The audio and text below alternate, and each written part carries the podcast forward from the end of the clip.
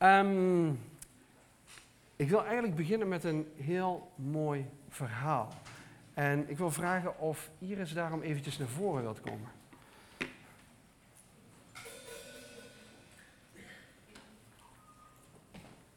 Alsjeblieft. Goedemorgen allemaal. Eh, ik sta hier vandaag heel fris en fruitig. Maar gisteren was ik ook hier om half negen met een aantal kanjers van deze kerk. Ik denk dat velen van jullie mijn oproep hebben zien voorbij komen. In het dagelijks leven werk ik eh, met mensen met dementie. Niet met de handen aan het bed, maar ik probeer het beleid te verbeteren voor deze mensen. Maar mijn collega's, dat zijn case managers dementie, die komen echt bij de mensen thuis. En nu hadden wij in deze gemeente, gemeente Schinnen, een gezin waar het niet zo lekker liep.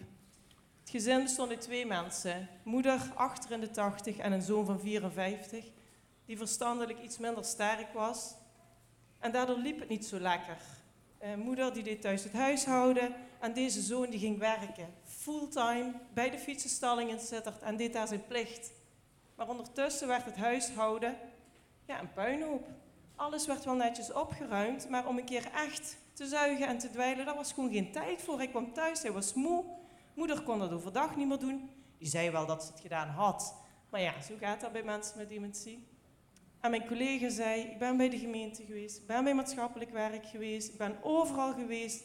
Niemand wil dit gezin helpen. En toen zei ik, nou weet je, dit kan gewoon niet. Dit kunnen we toch in Schinnen niet laten gebeuren. Ik ga proberen of we mensen bij elkaar krijgen. Ik heb het geprobeerd samen met het Helpcenter. Hebben we uh, een team bij elkaar getrommeld en uh, nou, gewapend met de liefde van God, met emmers onder onze armen, met de stofzuiger, zijn we dan naar binnen gegaan. Hebben wij onze liefde, de liefde van God en alles schoongemaakt. En we hadden gedacht, nou dat doen we van half negen tot één. En om tien over twaalf stonden we weer hier bij de kerk klaar. Dus uh, ja, het is geen applaus voor mij, maar ik vind het gewoon zo bijzonder dat we in een week tijd hier als kerk, als helpcenter samen dit mhm. kunnen doen voor dit gezin, wat niemand anders kan. En als klapper op de vuurpijl had die meneer de dag nadat wij hadden gezegd, wij komen die zaterdag, had hij te horen gekregen dat hij dus morgen geopereerd wordt.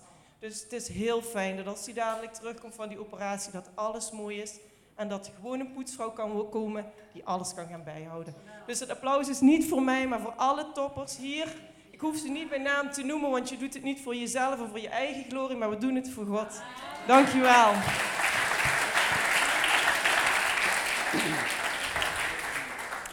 Gaaf hè? Zo mooi dat we dit als gemeente mogen doen, als kerk mogen doen. Maar ook vooral dat er iets in onze harten gebeurt waarom, waarom dat we eigenlijk merken, dit kunnen we niet laten liggen. Hier moeten we iets mee doen. Vorige keer, vorige week heb ik gesproken over dat we soms zo onrustig kunnen zijn. En dat ons hart onrustig kan worden. En dat het zo heerlijk is dat we rust mogen vinden bij God. En ik hoop dat je deze week daar af en toe eens even aan terug hebt gedacht. Dat op het moment dat als nieuws kwam of als er dingen kwamen, dat je dacht van, Heer, ik wil mijn hart rustig willen laten worden bij U. Bij U begint het, ik weet dat ik daar rust mag vinden. En een van de teksten die we aanhaalden was, uh, ook al is mijn hart onrustig, God is groter dan ons hart. Hij gaat daar ver bovenuit, hij is verder dan dat wij daarin zijn. En we merkten ook dat een, een aanval op jouw hart is eigenlijk een aanval op jou als persoon. we zagen dat in, in de Bijbel. Het hart staat voor niet jouw fysieke hart, wat in jouw binnenste klopt, maar veel meer gaat over de persoon die jij bent. Ja, met je karaktereigenschappen, wie jij ten diepste bent, dat is jouw hart. En de duivel is er veel aan gelegen om aan dat hart te komen. Hij wil misschien ook wel eens aan je fysieke hart rommelen, maar hij wil vooral aan jou als persoon zitten. Hij wil je wankel maken. Hij wil je um, uit evenwicht brengen, uit balans brengen, zodat je begint te twijfelen en dat je aan de andere kant probeert om hem de om, om Jezus de rug toe te keren. Maar dan is het goed dat jouw hart rustig wordt bij hem. En ik dacht, nou, eigenlijk moet daar ook een soort vervolg op komen. Want het is goed dat je weet dat je rust vindt. Maar de volgende stap is wel, hoe ga je daar dan verder mee om? Hoe, welke stappen zet je daarin? En wat wil je daarmee gaan doen? En ik wil je echt vragen om je, om je hart, maar ook je verstand open te zetten. Ik had een leuk plaatje gevonden. Omdat ik merk dat je gedachten en je verstand dat wil nog wel eens knokken, dat wil nog wel eens schuren met elkaar. En daar wil ik het vandaag met jullie over hebben. En ik weet niet hoe dat je hier zit. Misschien heb je wel een hele bewogen week achter de rug. Misschien heb je wel een superweek achter de rug. Misschien heb je net ruzie met je partner gehad voordat je naar de dienst kwam. Misschien wel ruzie met je kinderen. Maar ik zou je eigenlijk willen vragen om nu gewoon lekker tot rust te komen. Gods woord binnen te laten komen. Misschien eh, heb je wel strijd met degene die naast je zit. Misschien vind je het niet zo leuk om naar mij te luisteren. Uh, al die dingen zijn mogelijk. Maar zou er misschien een klein procent kans zijn dat God vandaag iets tegen jou wilt zeggen? Dan zou ik zeggen, pak dat. zorg dat je die woorden hoort. Zullen we samen bidden? Vader, dank u wel, Heer, dat we ja, uw woord zo meteen mogen openen. Ik wil u bidden, Heer, wilt u ons verstand en ons hart openzetten. Heer, dat we de dingen van u mogen ontvangen, zodat het ons leven blijvend mag veranderen. Heer Jezus, dat bidden we in Jezus' naam. Amen. Amen. Heeft u wel eens meegemaakt dat u op vakantie ging en dat je dacht, je komt op die vakantieplek en de foto van de brochure verschilt een beetje met de foto die je op dat moment ziet. Wie heeft dat wel eens meegemaakt? Oh, er gaan vele handen omhoog. en blijkbaar wordt dat zoveel meegemaakt dat er zelfs een tv-programma van is gemaakt. op de een of andere manier, dan komen mensen op die vakantiebestemming, op die vakantieplek. En dan lijkt alles ineens totaal anders dan dat het eigenlijk was. Wonderlijk is dat. En wij hebben allemaal wel, en ik dacht van ja, het is een leuk voorbeeld omdat we een beetje in de vakantietijd zitten. Je hebt allemaal een bepaalde voorstelling van je vakantie. Zo en zo gaat het worden. En dan blijkt het toch anders te zijn en anders te lopen. Vorig jaar gingen wij op vakantie. Met het hele gezin in de auto, 2000 kilometer naar Zuid-Italië. Ik hoef u niet te vertellen dat dat met drie kinderen een hele leuke uitdaging is. Maar het ging super, het was geweldig. En na drie of vier dagen, we hebben tussenstops gehad, dus, um, kwamen we op de plaats van bestemming. En mijn schoonvader die heeft een, een, een, eh, klein huisje in Italië en daar verblijven we. Maar je moet zich voorstellen, door het hele jaar heen is dat huis dicht, afgesloten. En als we daar komen in de vakantieperiode, mijn schoonvader is dan 2,5, 3 maanden is hij daar dan. Dan gaat alles open, wordt alles lekker gesopt en dan... Eh, ja, dan als wij komen, dan is dan alles schoon en netjes. En... Ja, gaat u maar alvast, zeg ik dan. En uh, dan komen we daar aan. En deze keer ook. We waren bepakt en bezakt en we reden de auto voor en we kwamen in de straat en we hadden er al zoveel zin in. En we komen bij het huis, we doen de deur open en er komt een hele lucht van, van vocht en van schimmel komt ons tegemoet. Het sloeg gewoon op je longen. En ik dacht, nou weet je wat, we zetten de boel eerst eens even open, dan, dan lucht het een beetje en dan gaat het wel. Maar hoe verder dat we het huis in kwamen, des te slechter dat het eruit zag. Ehm, we waren moe van de reis. Uh, het huilen staat je dan wat nader dan het lachen. Ik bleef natuurlijk in de heren en positief. mijn vrouw die had daar wat meer moeite mee. Nee, het was eigenlijk andersom. En zij zegt, we kunnen hier niet blijven. Poh, maar dat is. Maar waar ga je dan naartoe? Ehm, en uiteindelijk, uh, mijn schoonvader die heeft een... Ja, oh ja. Heeft nog een huisje. ja, het, het verhaal kan nog iets erger worden, maar dat zal ik niet vertellen. Ik heb een Italiaanse familie, dus misschien... Nee, wacht, ik, ik stop nu ik stop nu. En hij zegt, nou jullie kunnen wel in het buitenverblijf van de opa en oma van Katja, die hebben een, een klein, heel schattig huisje, spierwit, uh, een mooie veranda daarvoor, een prachtige boom. En in een, uh, uh, een, een, veld is erbij, het is echt schitterend.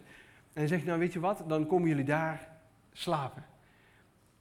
Oké, maar er zijn maar twee slaapkamers. Eén is voor opa en de ander. Ja. Kamer van drie bij vier. Drie kinderen, twee volwassenen. Tassen, koffers, alles bij elkaar. Zo. Heerlijk was dat. Maar weet u wat er tijdens die vakantie gebeurde? De teleurstelling die we ervoeren op dat moment En we dachten van, ah, dit, dit gaat een verschrikkelijke vakantie worden, want dan moet ik eh, al die weken bij mijn schoonvader zitten, dan zitten we hutje mutje op elkaar. Het was een geweldige vakantie. Er moest in mijn hoofd iets anders gebeuren en dat gebeurde pas op het moment dat ik daar zat. En ik had twee keuzes. Ik had daarin kunnen blijven hangen en kunnen denken, oh ja, vervelend dat dat huis er niet is. Maar ik, had, ik maakte in die periode ook een andere keuze. Ik dacht, wat, hebben, wat kunnen we hier een heerlijke vakantie hebben? Maar op de een of andere manier tussen de periode dat je eh, eh, geconfronteerd wordt met datgene waar dat je zoveel last van hebt en zoveel verdriet van hebt en waar je, dat je jezelf vooral ontzettend zielig vindt, tot het moment dat je het hebt geaccepteerd en dat je denkt van hé, maar dit is eigenlijk helemaal fantastisch, die ruimte daartussen, daar wil ik het over hebben. Want dat gebeurt in ons hoofd, dat gebeurt in ons denken.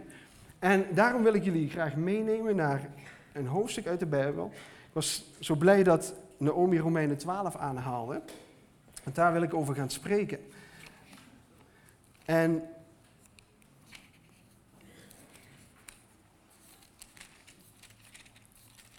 het is een heel uh, bekend gedeelte. Er staat het volgende. Broeders en zusters, met een beroep op Gods barmhartigheid vraag ik u om uzelf als een levend, heilig en God welgevallig offer in zijn dienst te stellen. Want dat is een ware eredienst voor u. U moet uzelf niet aanpassen aan deze wereld, maar veranderen door uw gezindheid te vernieuwen.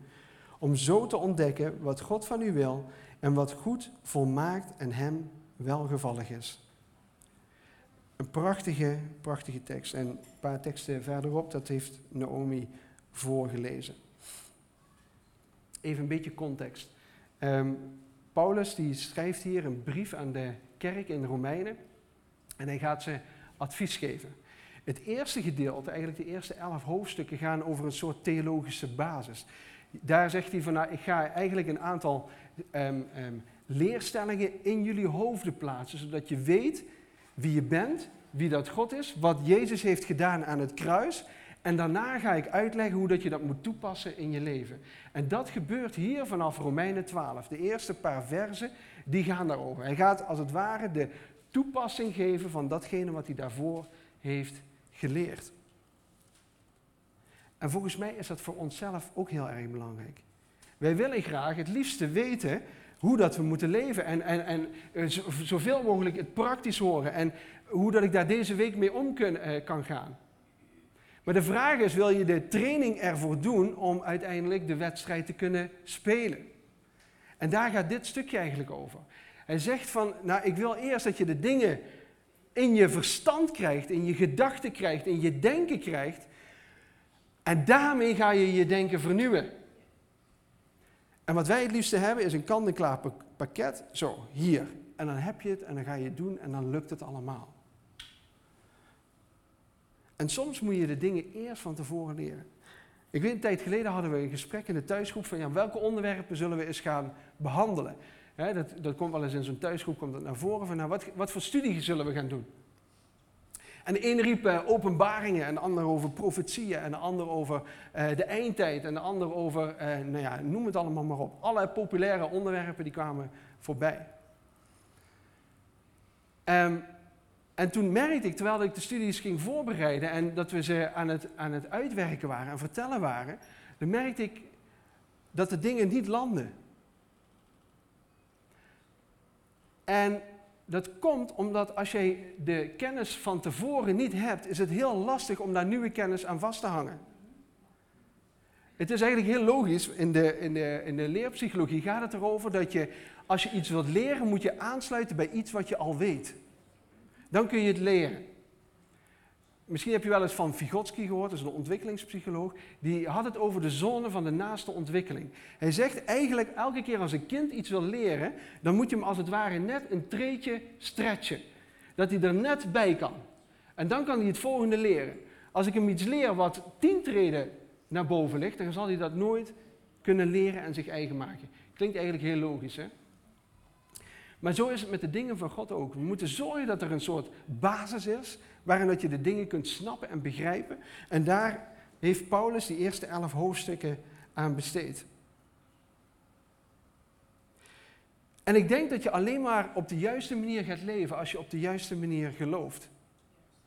Je gaat niet juist geloven en, en, en, en dan zie je het wel.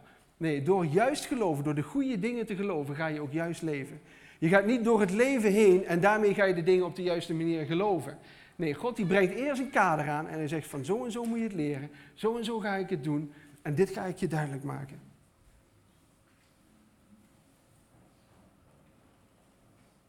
En dan staat er in dit gedeelte, in vers 2, dat we onze gezindheid moeten vernieuwen. Dat vind ik een raar woord, gezindheid. Heeft iemand enig idee wat dat woord kan betekenen? Roep gewoon eens wat. Smaak. Smaak. Je gezindheid is je smaak. Nog iets. Hartsgesteldheid, mooi. Ja. Je stelling? Je instelling, ja. Nog iemand? Je levensstijl, ja. Wie, wie kent deze tekst in het Engels misschien? Wat staat er? The renewing of? The transformation of the renewing of your mind. Ja. Of, je, of your mind, je gedachten, je, je hele instelling. Ik heb, het, ik heb eens wat, wat dingetjes erover nagezocht. En daar staat dat de gezindheid iets gaat over ons denken en over ons redeneren. Wie redeneert hier? Allemaal. We hebben onze reden, allemaal. Het is zelfs je stemming. De stemming waarin dat jij je bevindt. Je intellect. En wat ik heel mooi vond, je houding, je hartsgesteldheid. Ik hoorde het net al. De manier hoe dat jij in het leven staat, daar gaat die gezindheid over. En die moet vernieuwd worden. Dat staat hier. Je gezindheid moet vernieuwd worden. En ik dacht, die gezindheid, dat, dat veranderen daarvan, dat ligt bij hem. nee, dat ligt bij mij. Paulus die geeft hier de oproep, ik wil dat je je gezindheid gaat veranderen, dat je je gezindheid gaat vernieuwen, dat het denken, je houding, de manier hoe dat jij naar het leven kijkt, dat je die gaat vernieuwen.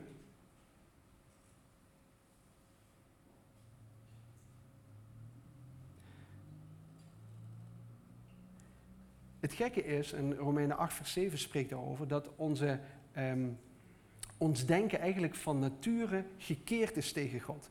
Ons denken gaat van nature niet uit naar God toe. Het is niet zo van, nou ja, zoals je bent, nou dan ga je automatisch naar God toe. Nee, ons denken is eigenlijk van nature tegenover datgene wat God is. Dus het kost ons moeite, het kost ons inspanning om dat voor elkaar te krijgen. En daar gaat dat eerste vers over. Het eerste vers gaat namelijk over, over een levend offer brengen. En toen ik daarover na begon te denken, een levend offer, ik denk dat is eigenlijk een heel raar woord. Hoe kan een offer nou levend zijn? Als ik een offer breng, dan is dat hartstikke morsdood. Maar hier wordt er gesproken over een levend offer. En daar zitten eigenlijk twee aspecten aan. In ons, en dat gaat over dat offer, in ons moet iets sterven en dat is het kenmerk van een offer. Er moet iets sterven, zodat er iets anders kan gaan leven. Er moet iets in ons sterven. En dan kan het vernieuwd worden. En daar gaat dat levende offer over. Het stukje levend. Dus aan de ene kant ben ik een offer wat op het offerblok wordt gelegd. Er moet iets in mij sterven. Er moet iets in mij doodgaan. En aan de andere kant moet ik tegelijkertijd levend zijn. En in die volgorde gebeurt het. Als er iets in mij sterft, heb ik daarna de mogelijkheid om iets levens te brengen. Ja, maar wat moet er dan in mij sterven? Uh, ten eerste jezelf. En dat betekent niet dat je letterlijk doodgaat, maar dat betekent dat alles wat bij die oude gezindheid hoort, dat moet sterven. Het is misschien een beetje lastig te volgen, maar um, als Paulus spreekt over dat onze gezindheid vernieuwd moet worden, dan betekent het ook dat er een oude gezindheid is. Er is een soort oud denken bij ons allemaal. En misschien kun je voor jezelf afvragen, wat is dat oude denken? Wat zijn de dingen die ik vasthoud, waar ik vertrouwen in heb en wat ik lastig vind om los te laten? En moet ik overgeven aan Hem? Misschien zijn het wel al jouw kritische gedachten. Misschien zijn het wel al jouw uh, um, uh, zorgwekkende dingen. Misschien is het wel jouw onrust. Misschien is het wel jouw onvergevingsgezindheid. Misschien is het wel je trots. Misschien is het wel je behoefte om met heel veel mensen over anderen te praten. Wat is het in ons wat mijn oude gezindheid, mijn oude denken vertegenwoordigt? Want Paulus doet hier de oproep, ik wil graag dat je vernieuwd wordt in je denken, dat er iets nieuws gebeurt in je denken.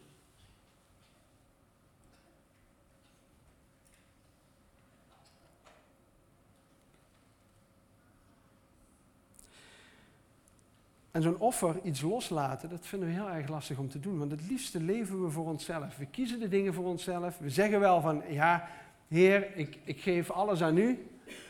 We zingen het zelfs, alles geef ik u. Maar het is toch wel lastig om dat in de praktijk toe te passen. En als ik denk, nou ja, ik heb 50% aan de Heer gegeven, nou dan, dan ben ik toch een aardig op weg, dan doe ik het toch best goed.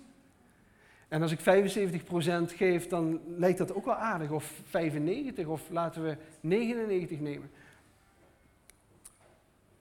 Maar Jezus zegt, ik wil eigenlijk alles van je. Ik wil jou totaal hebben. En daarom is het zo belangrijk dat dat, dat, dat denken in zijn totaliteit verandert. En voortdurend heeft ons denken als het ware zo'n soort correctie nodig. Ik las toen uh, de uh, Apollo gelanceerd werd en naar de maan toe werd geschoten, dat ze elke 10 minuten een koerscorrectie moesten uitvoeren. En elke 10 minuten werd er een koerscorrectie uitgevoerd, zodat ze zeker wisten dat ze op de plek konden landen waarop dat ze wilden landen. En terwijl dat die capsule richting die maan bleef gaan, moest hij voortdurend die, die koers bijstellen. En wat ze dachten, weet je wat we doen? We bedenken een landingsplatform waar dat, die capsule moet landen van 500 vierkante kilometer. Dat is een behoorlijke oppervlakte. En terwijl dat er toch constant die koerscorrectie werd aangebracht, bleek dat die capsule nog maar enkele meters binnen dat kwadrant van die 500 vierkante kilometer terecht kwam. En volgens mij is dat ook zo ontzettend belangrijk in ons eigen geestelijk leven. Weet je, in, in de kerk of in jouw thuisgroep krijg je voortdurend een stukje correctie. Krijg je voortdurend een, dat heldere denken krijg je voorgeschoteld. En, en wordt er geholpen om je koers elke keer iets aan te passen. Maar op het moment dat je die correctie niet krijgt, dan komt die correctie ergens anders vandaan. En dan blijf je scheef gaan, dan blijf je schuin gaan. En het is eigenlijk net zo, God heeft dat grote landingsplatform en hij wil jou daar op hebben. Hij doet die koerscorrectie voor jou. En als ik kijk naar wat een offer is, dan is dat altijd iets wat mij iets kost. Het doet altijd zeer. Ik moet iets van mijzelf geven, overgeven. Misschien is het je tijd, misschien is het je inzet, misschien is het je betrokkenheid, misschien is het je gezinsleven, misschien is het wel dat je afgelopen zaterdag misschien liever de tuin had willen doen, maar ben je toch naar die vrouw toe gegaan. Ergens kost het je iets. Iets van jezelf weggeven. En Paulus die heeft het hier over, het offer wat jij brengt, is dat behagelijk aan God. Als God kijkt naar het offer wat jij brengt, is dat behagelijk voor Hem. Ja, dit is misschien iets minder zieletroostend dan de vorige week. Maar een offer kost ons ergens iets. En vraagt ons inspanning en vraagt ons om dicht bij Hem te zijn. En dan moet er iets in ons gebeuren.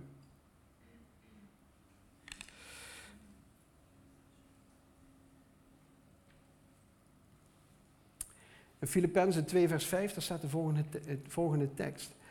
Laat onder u de gezindheid heersen die Christus Jezus had.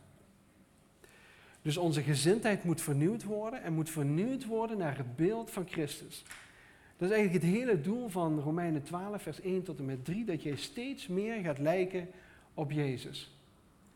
Nou, je legt de ambitie wel erg hoog. Dat kan ook alleen maar op het moment dat je er elke dag voor kiest om jouw gedachten, jouw, ehm, uh, jouw denken te vernieuwen.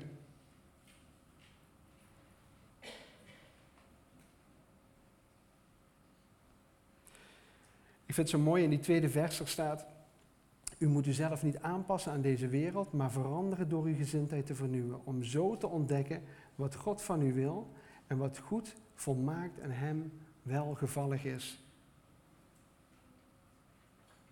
Bijzonder is dat, dat Jezus ons, of dat God ons eigenlijk oproept om daarin één te zijn. Hij zegt niet, ik wil niet dat hij een offer brengt of dat zij een offer brengt, maar ik vind eigenlijk dat iedereen die hier zit, inclusief mijzelf, een offer brengt om hem welgevallig te zijn. En datgene wat hij dan ziet, wat God dan ziet, daar hoopt hij van dat dat goed, volmaakt en welgevallig is. Dat dat hart erbij betrokken is.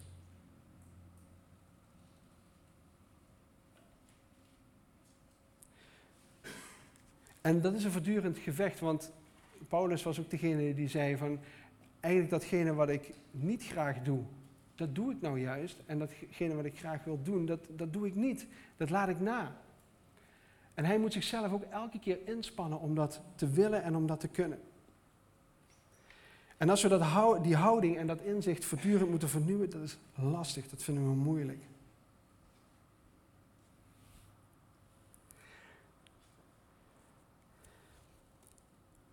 Um, het laatste gedeelte van dat vers, daar staat als volgt. Met een beroep op de genade die mij geschonken is, zeg ik u allen dat u zelf niet hoger moet aanslaan dat u kunt verantwoorden, maar verstandig over uzelf moet denken. Denk overeenkomstig het geloof, dat is de maatstaf die God u heeft gegeven. Dat vond ik een lastige tekst. U moet uzelf niet hoger aanslaan dan dat u in werkelijkheid bent. Meestal denken we toch wel heel wat van onszelf. Zeker na een dag als gisteren, dat je misschien daar in dat huis hebt rondgelopen en dat je denkt van, boah, dat heb ik toch maar goed gedaan. Is mijn geweten weer mooi gesust en gestild. Nou was ik zo blij met wat Iris net zei. Dat doe je juist niet voor jezelf, maar dat doe je zodat Jezus zichtbaar daarin wordt. We wonen nu in, uh, Put, dat ligt hier vlakbij. En uh, uh, we rijden soms een beetje rond in de buurt op de fiets of met de auto om de buurt een beetje te verkennen. En wij kwamen een ijssalon tegen in Zwijkhuizen. Boven aan de berg. Ja, je moet toch een beetje veldonderzoek doen natuurlijk. Ja, je moet geestelijk klimaat en zo moet je leren kennen. En, ja. En bij een ijssalon, daar krijg je ijs. Maar daar hebben ze iets heel bijzonders. Ik weet niet of je daar wel eens geweest bent, maar daar hebben ze een, een, een, een, een, ja, bord. En in dat bord er is een gat uitgezaagd. En daar staat boven, als je door dit gat past zonder te bukken, dan krijg je een ijsje gratis. Daar hou ik van. Dat soort ijssalons. En dat betekent dat als je een bepaalde hoogte bent, en dat is, ja, het is niet zo, maar net iets groter, een kind kan daar doorheen stappen en die krijgt dan een gratis ijs. Dus vanmiddag allemaal daar naartoe als je kinderen hebt. Ga, maximaal één per dag. Ik heb al geprobeerd, maar je krijgt maximaal één per dag. Maar als het gaat over een offer en als het gaat om er moet iets sterven in onszelf, dan is het net alsof we af en toe door zo'n heel klein eng poortje moeten. Iets wat pijn doet, iets wat schuurt, iets wat in onze rug gaat zitten en waar we doorheen moeten. En dan is de beloning niet gratis ijs, maar is om de Heer in je leven te hebben. En dat is dat, dat offer wat gebracht moet worden. En aan de ene kant dacht ik, nou ja, je moet jezelf niet hoger aanslaan, dat, dat staat hier. En in deze tekst staat ook het woord maatstaf. Er wordt als het ware de maat gemeente waarin dat jij mag functioneren. Daar, daar waar jij de dingen in mag doen. En ik dacht eerst, dat is eigenlijk heel vervelend, want ik wil eigenlijk verder, verder, verder, verder, meer, meer, meer, meer. Maar het mooie in deze tekst is, is dat God een bepaalde ruimte aan jou geeft om te functioneren. Datgene wat precies bij jou past, wat bij jou hoort, wat... Eigenlijk is dat Gods genade die, die tot, tot zover gaat. En hij zegt, daarbinnen ben je veilig. Het is een beetje zoals dat je met je kinderen doet. In het begin mogen ze tot aan de hoek van de straat. Daarna mogen ze een blokje om en daarna mogen ze het veld in. En God die zegt eigenlijk van nou, ik heb, ik heb een soort maatstaf voor je. Ik heb een soort bescherming voor je, waarmee, waarbinnen dat je mag functioneren. Daarbinnen waar je mag zijn, waar dat je... Oh, heerlijk. En tegelijkertijd geldt dat voor ons allemaal. Want deze, dit hele gebeuren, Romeinen 12, is niet geschreven naar jou persoonlijk, maar is eigenlijk geschreven naar de gemeente, naar ons allemaal. En dat is mooi, want als iedereen in zijn eigen maatstaf blijft, denkt van, hé, hey, dit heb ik van God gekregen, dit mag ik laten zien, dit mag ik doen, dit mag ik gaan uitdragen, en ik krijg daar de ruimte voor, ook wel heel belangrijk, en ik krijg daar de ruimte voor, dan kan een gemeente samen functioneren. En het zou niet in de gemeente zo moeten zijn, hé, maar die maatstaf die hij heeft, die wil ik ook. Dat gebied waar dat hij in mag functioneren, hé, maar dat wil ik ook. Maar God heeft voor jou en voor u precies een afgemeten maat van genade waarin dat je mag zijn. En dat is niet dat hij wil dat je een soort plafond raakt, maar het gaat erom dat je, dat je een veilige plek hebt waar dat je binnen mag functioneren, waarin dat je mag zijn. En dat is ook het mooie van de gemeente. En toen dacht ik van, zou het ook zo kunnen zijn dat de gemeente ook een bepaalde maatstaf heeft? Dat God ook een bepaalde genade legt of geeft aan de gemeente, waarin dat zij mag functioneren. Het unieke van die specifieke gemeente. En ik geloof dat dat zo is. Ik denk dat elke, eh, ik noem dat wel eens, elke gemeente heeft zijn unieke handschoen. En dat betekent dat, dat uh, een kerk in Hoensbroek of een kerk in Roermond een andere kerk is dan de kerk in Schinnen. En dat de dingen die hier gebeuren niet hetzelfde hoeven te zijn als de gemeente die op een andere plek is. Ik zeg daarmee niet dat je niet kan leren van andere gemeentes. Want dat zou een beetje stupide zijn als je zou denken van, nou ja, wij, wij hebben het bij het rechte eind. Wij weten het allemaal. Maar het is juist zo mooi dat je door al die gemeentes om je heen mag laten inspireren. Maar dat je zoekt van, nou, wat is nou het unieke wat God, wat is die ruimte van genade die God aan deze gemeente heeft gegeven. En daarom mogen we functioneren, daarom mogen we zijn en daarom mogen we in wandelen. En dan is het net alsof we soms door dat gat heen moeten kruipen. En dat we denken, ah, dat is een beetje lastig, dat is een beetje vervelend. Maar zo geldt dat voor ons allemaal.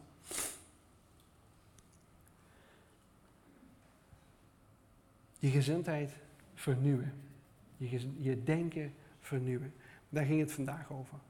En ik hoop dat dat, dat stukje houding wat in jou zit, waar dat God van zegt van, oh, dat, dat, dat wil ik hebben, dat wil ik laten veranderen, dat wil ik laten vernieuwen, dat je dat probeert aan te grijpen vandaag. Aan de ene kant is het goed om te weten dat je hart rust mag vinden bij God. Ik zal maar zeggen, alle elf hoofdstukken van, van Romeinen van tevoren, dat je weet wat het verlossingswerk van Jezus uh, inhoudt. Dat je weet dat je aan de voet van het kruis moet zijn. Dat je je zonde mag beleiden en dat je mag zeggen, Heer, ik heb u zo ontzettend nodig.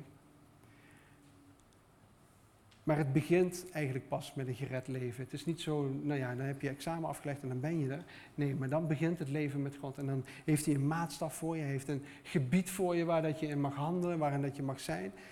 En ik zou je willen uitdagen om al dat oude denken, wat voortdurend bij onszelf de kop opsteekt, los te laten. En als het ware dat nieuwe denken van Jezus aan te nemen en te gaan vermenigvuldigen. Niet als doel voor jouzelf. Dit hoofdstuk is geschreven en bedoeld voor de hele gemeente. Amen. Amen. Team, ik wil vragen of jullie naar voren komen.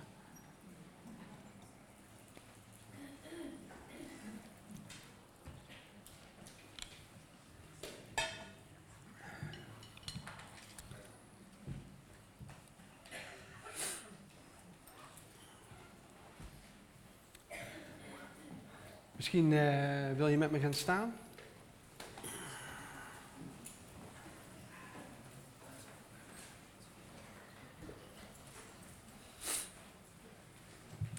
Als ik uh, deze preek zou samenvatten in drie zinnen, dan zou de eerste zin zijn: Mijn leven is een offer. Lastig. Maar mijn leven is bedoeld als een offer. En een offer is bedoeld voor de ander. Dan moet iets in mijzelf sterven, zodat iets anders kan gaan leven, ook in mij. Het tweede is dat God een plan en een doel met jouw leven heeft. Hij heeft een richting, hij wil jouw gezindheid vernieuwen en hij wil een doel geven aan het leven wat jij leeft. En het derde, leef jouw leven. Niet het leven van iemand anders, maar leef het leven wat jij hebt gekregen van de Heer God. En doe dat binnen de ruimte die Hij je heeft gegeven. Hij wil je vernieuwen, Hij wil je helpen, Hij wil je verder helpen in de weg die je gaat samen met Hem. En dat is het doel wat je voor ogen mag hebben. En dan mag je weten dat God bij je is. Zo we samen binnen. Halleluja, Heer. Dank u wel, Heer, dat u onze koning der koningen bent. De Heer der heerscharen. Vader, dank u wel, Heer, dat ik mag weten dat ik een gered en gekocht en betaald kind van u ben. Vader, dank u wel, Heer, dat leven opnieuw is begonnen met u. Heer, en ik merk dat mijn denken af en toe nog met mij op de loop gaat. Heer, dat ik verkeerde gedachten heb, dat er patronen in mijn leven zijn, zijn gesleten die, die niet goed zijn. Heer, maar u wilt onze gedachten, onze gezindheid, onze hartsgesteldheid, wilt u vernieuwen. Heer, en de stap voor vandaag is, is dat we daar een, een, een, een stap in kunnen zetten. Heer, dat onze gedachten vernieuwd worden. Heer, als ik denk dat het ene mogelijk is, Vader, Heer, zet het om, Heer. Heer, en ik weet dat we allemaal een soort ontmoeting met zo'n vochtig huis moeten hebben. Heer, ook in ons geestelijk leven. Heer, dat we tot ontdekking komen, boah, dit is het niet, dit is het niet. En in die tussenperiode bent u ons nabij, Vader. Heer, en wilt u ons helpen om onze gedachten, ons denken, onze hartsgesteldheid te vernieuwen. Heer, en als ik dan op de plek aangekomen ben, de plek waar ik rust mag vinden, waar ik zijn en mag zijn bij u, Heer, dan, dan mag mijn gedachten steeds opnieuw veranderd worden. Heer, en ik ben zo blij, Heer, dat u elke keer zegt, je mag je gedachten opnieuw en opnieuw, die moet dagelijks vernieuwd worden. Vader Heer, en dat bid ik voor ons allemaal. Zoals we hier staan, elk individu, Heer, jong of oud. Heer, dat ons denken voortdurend vernieuwd mag worden. Heer, en het is zo lastig om dat alleen te doen. Maar Vader heeft onze gemeente gegeven, heeft ons broeders en zusters gegeven, heeft ons mensen, lieve mensen om ons heen gegeven, die ons daarbij helpen. Heer, en ik bid u, Heer, zo voor uw gemeente, voor mijzelf, Heer, dat u ons helpt om nieuwe gedachten van u te krijgen. Heer, dat bidden we in Jezus' naam. Amen.